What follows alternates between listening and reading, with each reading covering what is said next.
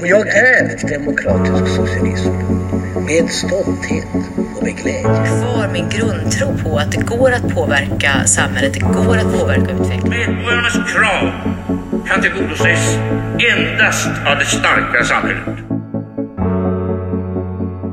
Välkommen Mattias Ottosson, Tack så mycket.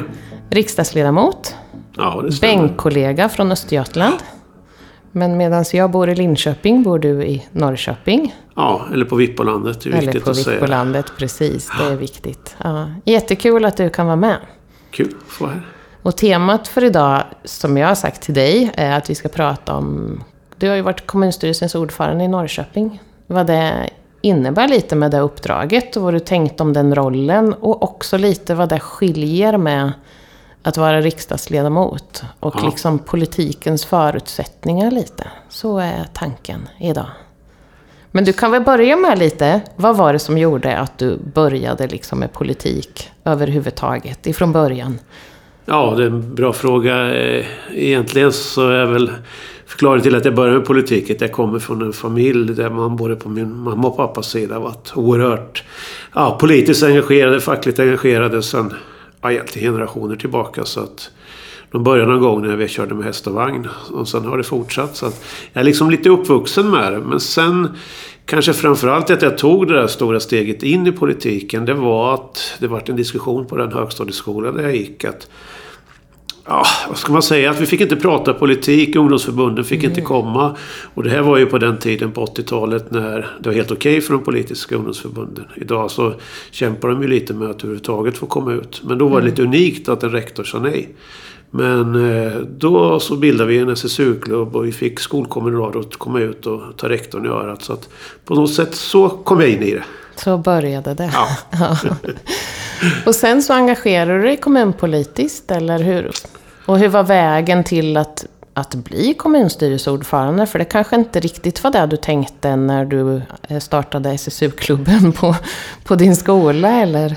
Nej, inte alls långt därifrån. Utan jag började i SSU. Jag trivdes jättebra där och höll på i många år. Och, ja, var framförallt aktiv i Norrköpings SSU-krets på den tiden vi hade kretsar och jobbade på det sättet. Men sen är det klart, man blir äldre så kommer man in i kommunpolitiken. Jag började i en kommundelsnämnd som vi hade och sen satt jag i bygglov och miljöskyddsnämnden och sysslade med sådana frågor. Sen försvann jag ett antal år ifrån Norrköping och- var i, både i Linköping och pluggade. Och var inte alls sådär jätteaktiv i politiken. Ah, lite i studentpolitiken naturligtvis, eller kårpolitiken. Men kom sen tillbaka till Norrköping efter att jag hade studerat. Och då var det så att Göran Färm skulle flytta till Europaparlamentet och då var det en plats ledig i kommunstyrelsen och då var jag invald där. Och sen fortsatte det så. Och sen hände ju en massa tråkiga saker. En av mina företrädare dog hastigt och hans efterträdare fick avgå efter att man inte riktigt hade skött om det man skulle. Och då, pang bom, brak eller brak, så hamnade jag på den där posten. Kan Ja, det var man säga. så ja, just det. Så att det var lite, man brukar ju skämta om det där att jag satt längst ner i kommunstyrelserummet och sen uppe i dödskurvan där de här äldre herrarna och damerna satt. Jag fick flytta upp där direkt från sista plats till första. Just det. Vilken omställning. Ja, det kan man väl lugnt säga Ja. Ja. att det var. Och det hände så dramatiskt också, tänker jag. Så det är klart att man tänker inte på det, men det var ju många dramatiska år på det sättet i politiken i Norrköping.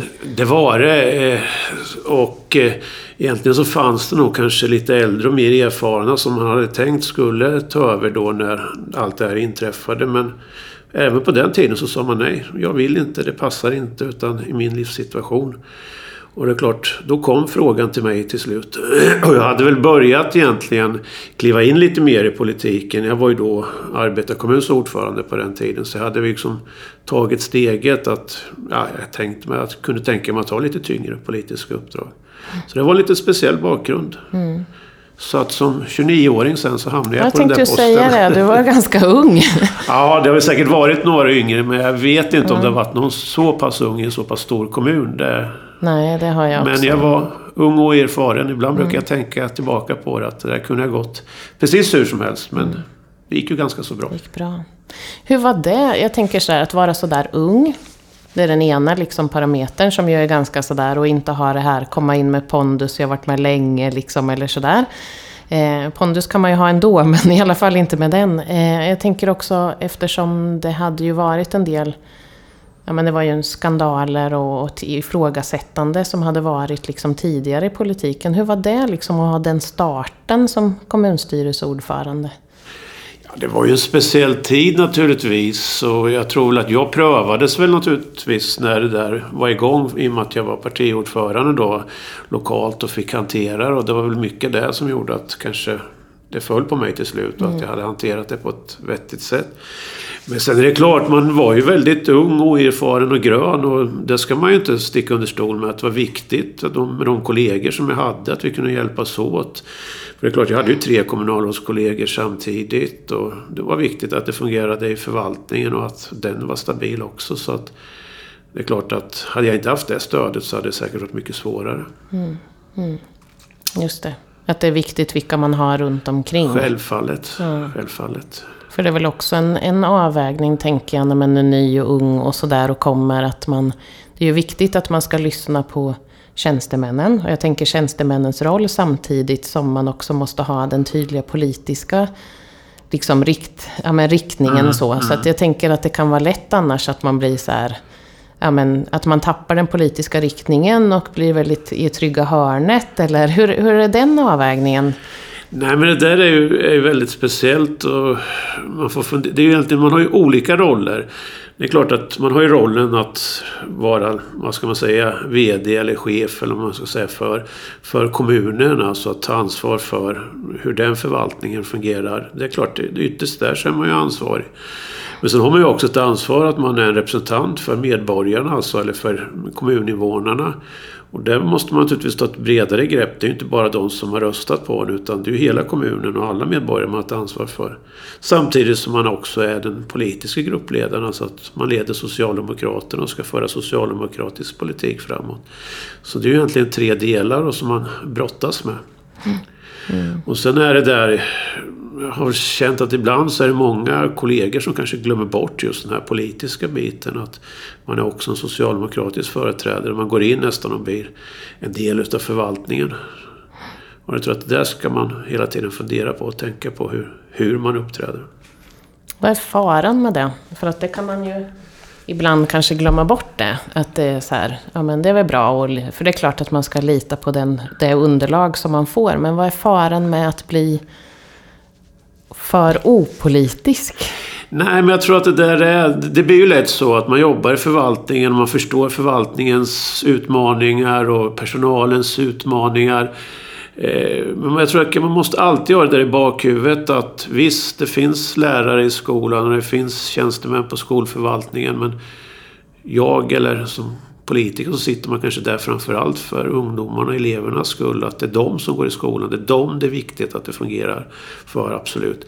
Och inte så att jag vill säga att lärare ska ha problem eller andra som jobbar i skolan naturligtvis. Men de är också många gånger fackliga företrädare och sånt där som jobbar för deras rättigheter. Utan det är viktigt att komma ihåg det att det är medborgaren eller med kommunmedlemmen då, längst där ute som man företräder. Mm. Att man inte tappar det. Det blir så lätt att man blir talesperson för personalen eller för någonting annat. Utan det är den människan som bor på äldreboendet eller den tjejen som går i skolan som man företräder. Hur håller man liv i det? Hur mycket när man, liksom, när man ska fatta de svåra besluten? Ja, jag tycker inte att det är så svårt. Kanske, det, det brukar ju vara... Egentligen så är den största skillnaden mellan att vara riksdagsledamot och vara kommunalråd. Det är ju att som kommunalråd så går du omkring på gatorna i din stad och du träffar människor hela tiden. Du träffar människor som är experter på hur trottoaren går i deras villaområde och hur de tycker att den ska gå. Så att man får vara ödmjuk för det. Man påminns av det hela tiden. Mm. Det är klart, som nationell politiker så blir man ju mer anonym på det sättet. Mm. Fanns det någonting, eller vad var svårast som kommunstyrelseordförande? Vad är, liksom, vad, är, vad är svåraste utmaningarna med i den rollen som kommunstyrelsens ordförande, tycker du? Det där är ju svårt. Jag tror det växlar lite över tid. Eh, vi hade ju jätteutmaningar på min tid när jag började med ekonomin och att det var väldigt tufft. Men å andra sidan så var ju det parlamentariska läget liksom stabilare. Eh, I dagsläget så kanske det är en större utmaning att få fyra, fem, sex partier kan det ju vara i vissa fall mm. att dra åt samma håll. Så att det, det växlar nog lite över tid. Då var det tror jag ekonomin som var det som var tuffast. Och att vara den som vågade hålla i ekonomin och säga att nu räcker inte resurserna mer än till det här. Eller så är det nog kanske idag också. Men jag tror att det finns andra saker som har dykt upp och som gör det mer komplicerat. Mm. Jag kommer ihåg min första mandatperiod. Eh, då styrde vi själva och så hade vi stödpartier. Men i, i själva styret så var vi bara socialdemokrater. Och sen var det ett parti till och så var det två partier. Och idag så är det många fler partier så att det där växlar ju liksom och, och tror jag blivit mer komplicerat. Har du någonsin ångrat att du tackade ja?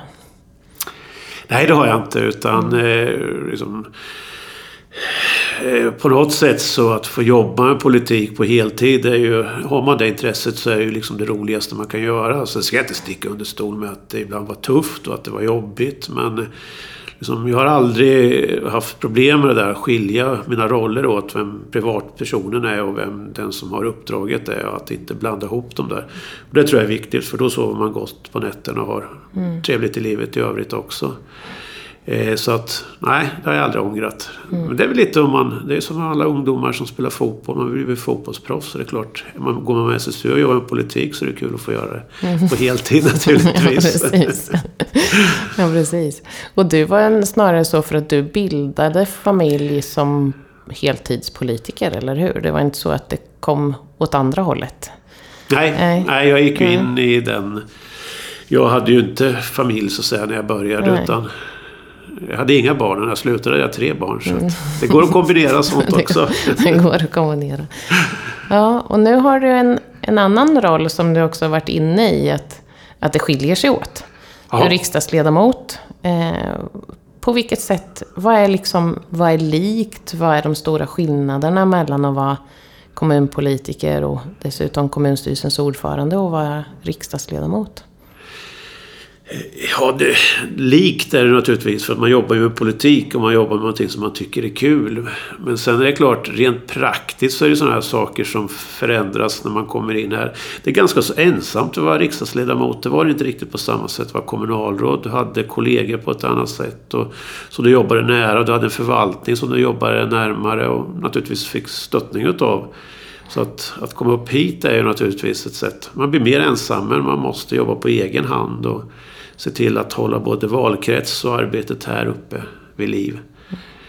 Och sen tror jag mycket som kommunalråd var ju också det där att hålla ihop en, en grupp, att få fram ett resultat, att komma till avslut, att visa på likheterna. Eh, det tror jag, det tror jag de flesta sådana här gamla kommunalgubbar och gummor som kommer upp hit reagerar på. Att i riksdagen så handlar det mycket om att visa på skillnaderna i politiken. Att tala om att här står vi socialdemokrater för. Det skiljer oss väldigt mycket åt gentemot Moderaterna. Kommunpolitiken blir det väl många gånger det där att se vart vi kan hitta ett samförstånd och ta oss vidare. Det är kanske är det som, som mm. skiljer mest. Kan man säga att den nationella politiken är mer ideologisk på det sättet? Eller är det mer möjligheterna eller liksom hur, hur liksom uppdragen fungerar som gör att man inte betonar skillnaderna? Båda uppdragen är naturligtvis lika ideologiska men det är klart att man pratar mer utifrån sin mm. ideologiska grund när man är i riksdagen. Som lokalpolitiker så handlar det om att vara pragmatisk och hitta lösningar.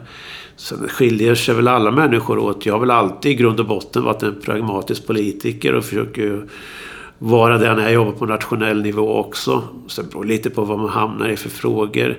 Så jag började på nationell nivå och jobbar med försvarsfrågorna. Där tycker jag att det är viktigt att vara så pragmatisk och få så breda uppgörelser som möjligt. För att det är den typen av fråga som måste leva över mandatperioderna. Så, att, mm. så kan det skiljas åt, åt lite vad man jobbar med. Mm. För jag tror att det kan vara så. En del reagerar ju med att man säger att det är inte så mycket politik på kommunnivå. Men det kanske snarare är så att det är lika mycket politik, men uttrycket är annorlunda eller... Definitivt. Ja, mm. Det är lika mycket politik men att det skiljer sig åt. Det är ju inte så att man är opolitisk. De som jobbar i kommunpolitiken är ju inte, de är ju inte det för att de är opolitiska utan tvärtom för att de älskar politik de också. Så det är väl där alltid att det är klart att det skiljer. Desto större kommun så tror jag då blir det mer en ideologisk diskussion. Blir lite mer riksdagsdebatten och, och sen är det klart, eh, jobbar du i en kommun där du är där det kanske är 2, 3, 4 tusen invånare. Det är klart, då är det någonting annat. Då är du ensam på ett annat sätt naturligtvis. Absolut. Hur ser du, jag bara sticker in, för det här är egentligen en fråga om kommunstyrelse. Men, så här, men jag tänker att jag kan känna ibland själv när man har varit kommunalråd att man åker förbi, man ser liksom sin stad på ett annat sätt. Du vet så här, det där äldreboendet var jag med och invigde och jobbade fram. Eller så här. Hur, ser, hur ser du? Är det så? Känner du likadant? Eller har du liksom en annan bild av Norrköping? Eller vilket är ditt förhållande till din kommun? Liksom? Nej, men jag älskar ju min stad och det gör ju alla kommunalråd. Och det finns ju inget kommunalråd som inte älskar sin stad och inte tycker att det är den bästa stad som har funnits någonsin. Och det är klart att man känner... Det är väl naturligtvis fördelen att få jobba så pass länge och så pass intensivt med kommunpolitik. Det är att man lär ju känna väldigt mycket människor. Man har besökt väldigt många företag eller skolor och man vet... Ja, här jobbar man med det och här har man den utmaningen. Och, Just ja, det var den här vägen som aldrig fungerade. Det var alltid köer men nu är det mycket större här och nu flyter det på. Men, nej, men här borta har det börjat bli köer igen. Här växer det ännu mer. Så det är klart att man ser och känner sådana där saker hela tiden. Mm. Och ibland tänker man att så där kanske man inte skulle ha gjort utan man skulle ha gjort så där istället.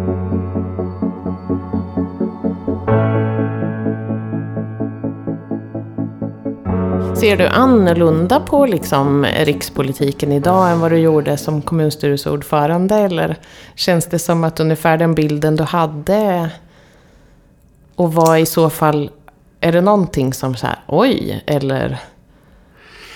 Ja, det, så är det väl naturligtvis. Eh, när man var lokalpolitiker så var det ju lätt att säga att eh, ni förstår ingenting och det där kan ni inte hantera. Och det är klart att nu när man sitter och jobbar på den nivån så förstår man ju att man har ju utmaningar här också. Och det handlar om, ja, det är inte för att man var motståndare till det när man var lokalpolitiker men nu förstår man ju också det här att hela landet måste behandlas på samma sätt och att det ska vara en likvärdig skola. Eh, det är inte bara så att alla kommuner har olika förutsättningar utan vi har också bestämt oss för att man ska ha samma typ av skolgång vart än man växer upp i Sverige och den möjligheten.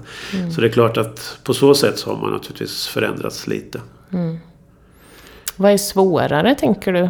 Ur det också ur det perspektivet att vara riksdagsledamot. Finns det någonting? Eller är det så att eh, det här kommunstyrelseordförandeskapet ändå är liksom det mest utmanande? Eller är det bara för att du har blivit äldre och visare kanske? Jag vet inte. Nej, men man, man väljer väl... Fortfarande så är det ju...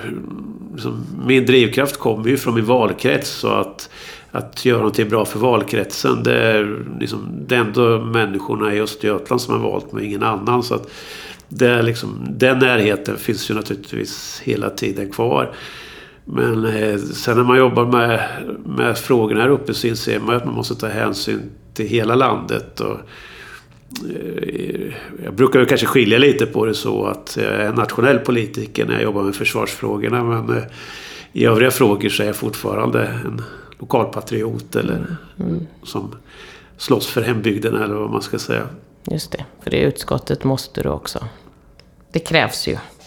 Att du inte bara tänker på Östergötland då. Nej, och så tror jag att... Ja.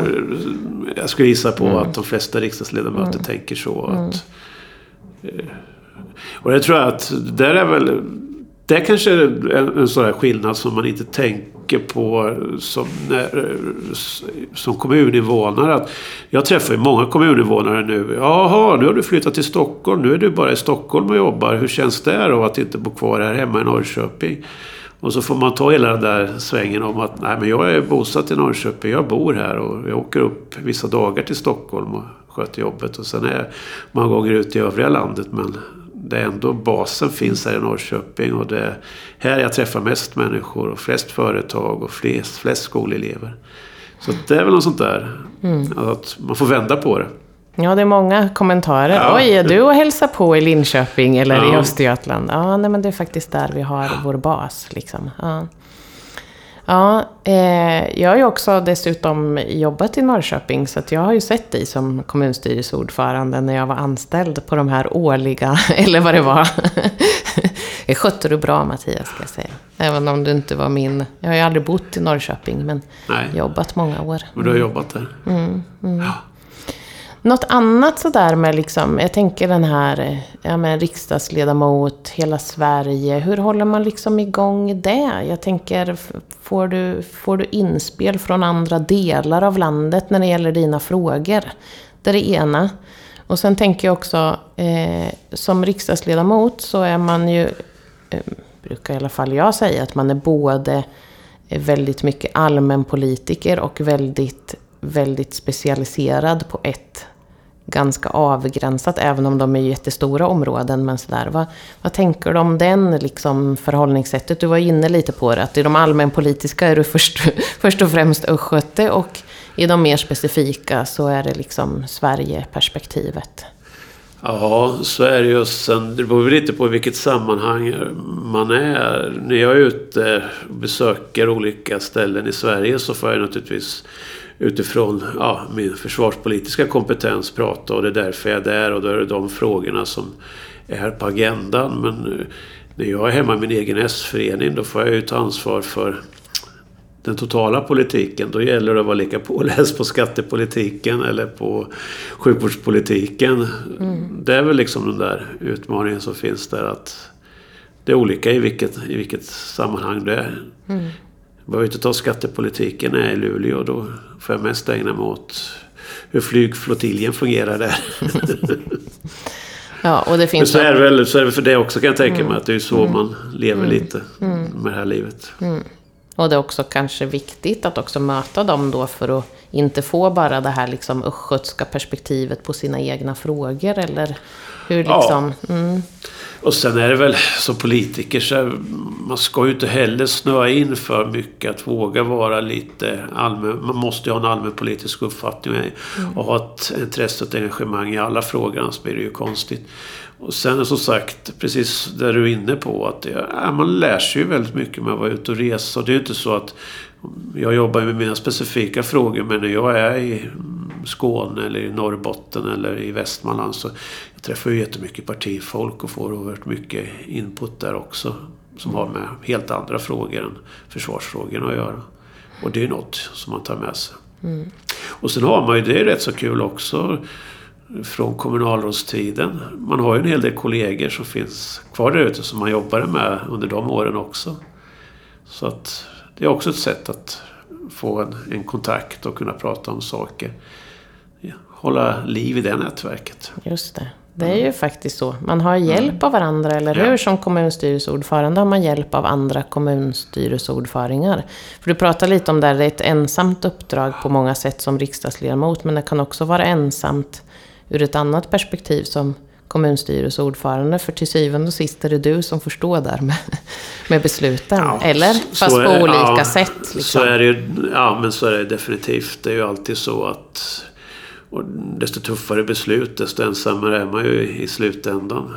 Eh, finns det någonting, vi pratade lite om det här med förhandla och så, finns det några kompetenser eller liksom, eh, vad man ska säga, eh, eh, egenskaper som det skiljer sig, som man har mer eller mindre nytta av i den här rollen? För som sagt, politiken är ju samma. Att kunna se politiska saker i frågor eller hur man ska driva det.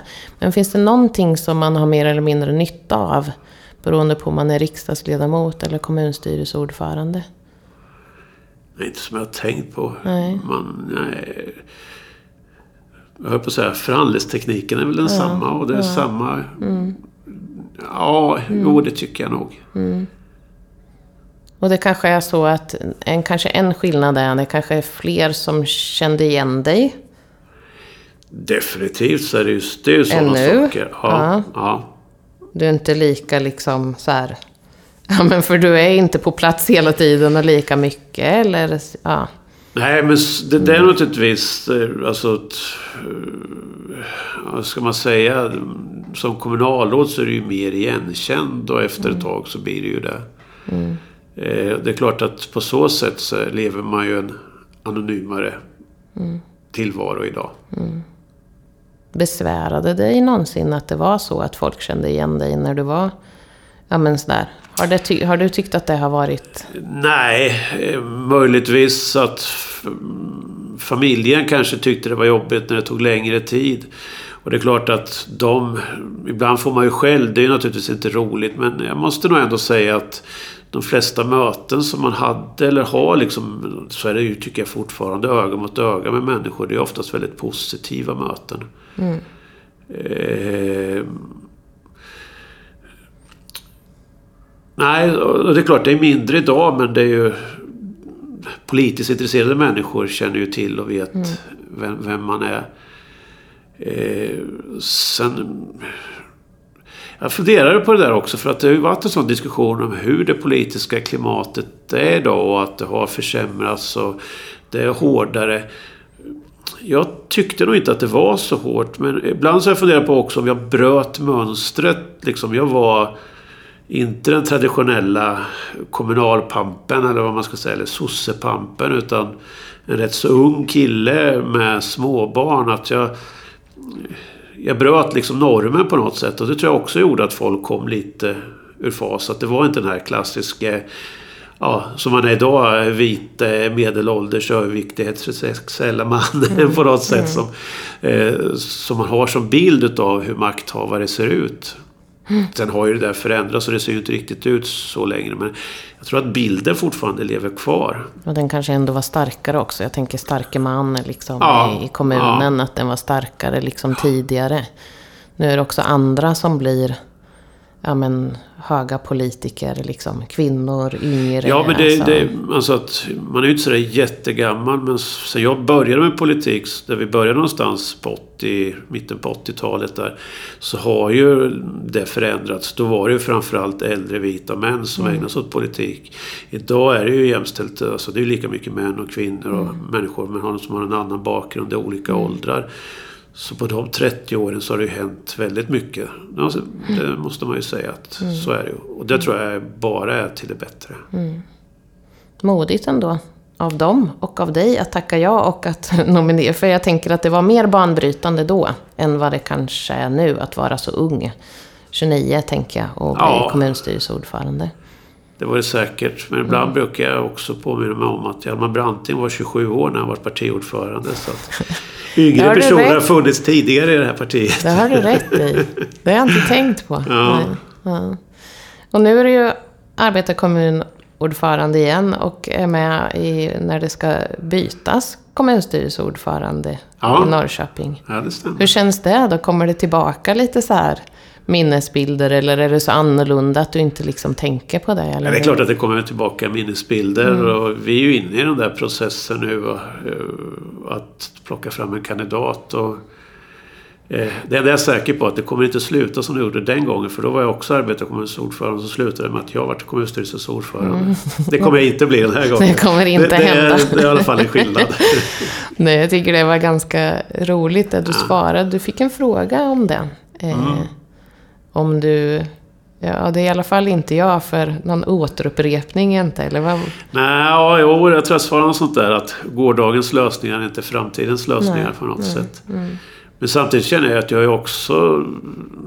En trygghet är ju det har med den erfarenheten av vad det innebär att ha det uppdraget nu när vi söker en, en ny. Att det här ska man tänka på, att det här kommer att bli en utmaning. Och, och sådana här saker. Jag brukar lite full i skratt tänka på att när jag tillträdde så då hörde Göran Persson av sig, det var han som var partiordförande då. Och sen ja, ville han träffas och så ska han ge lite goda råd. Och så. Håll ordning på pengarna, visar ut det bland folk och gör aldrig fel. Jaha, tack ska du ha. Det var, det var säkert goda råd men eh, tufft att få höra. Precis. ja, var det bara det? Ja, vad roligt. Ja, det var ett roligt citat. Toppen. Tack Mattias. Jag tror vi avslutar där. Stort tack att Ja. du kom. Tack så mycket.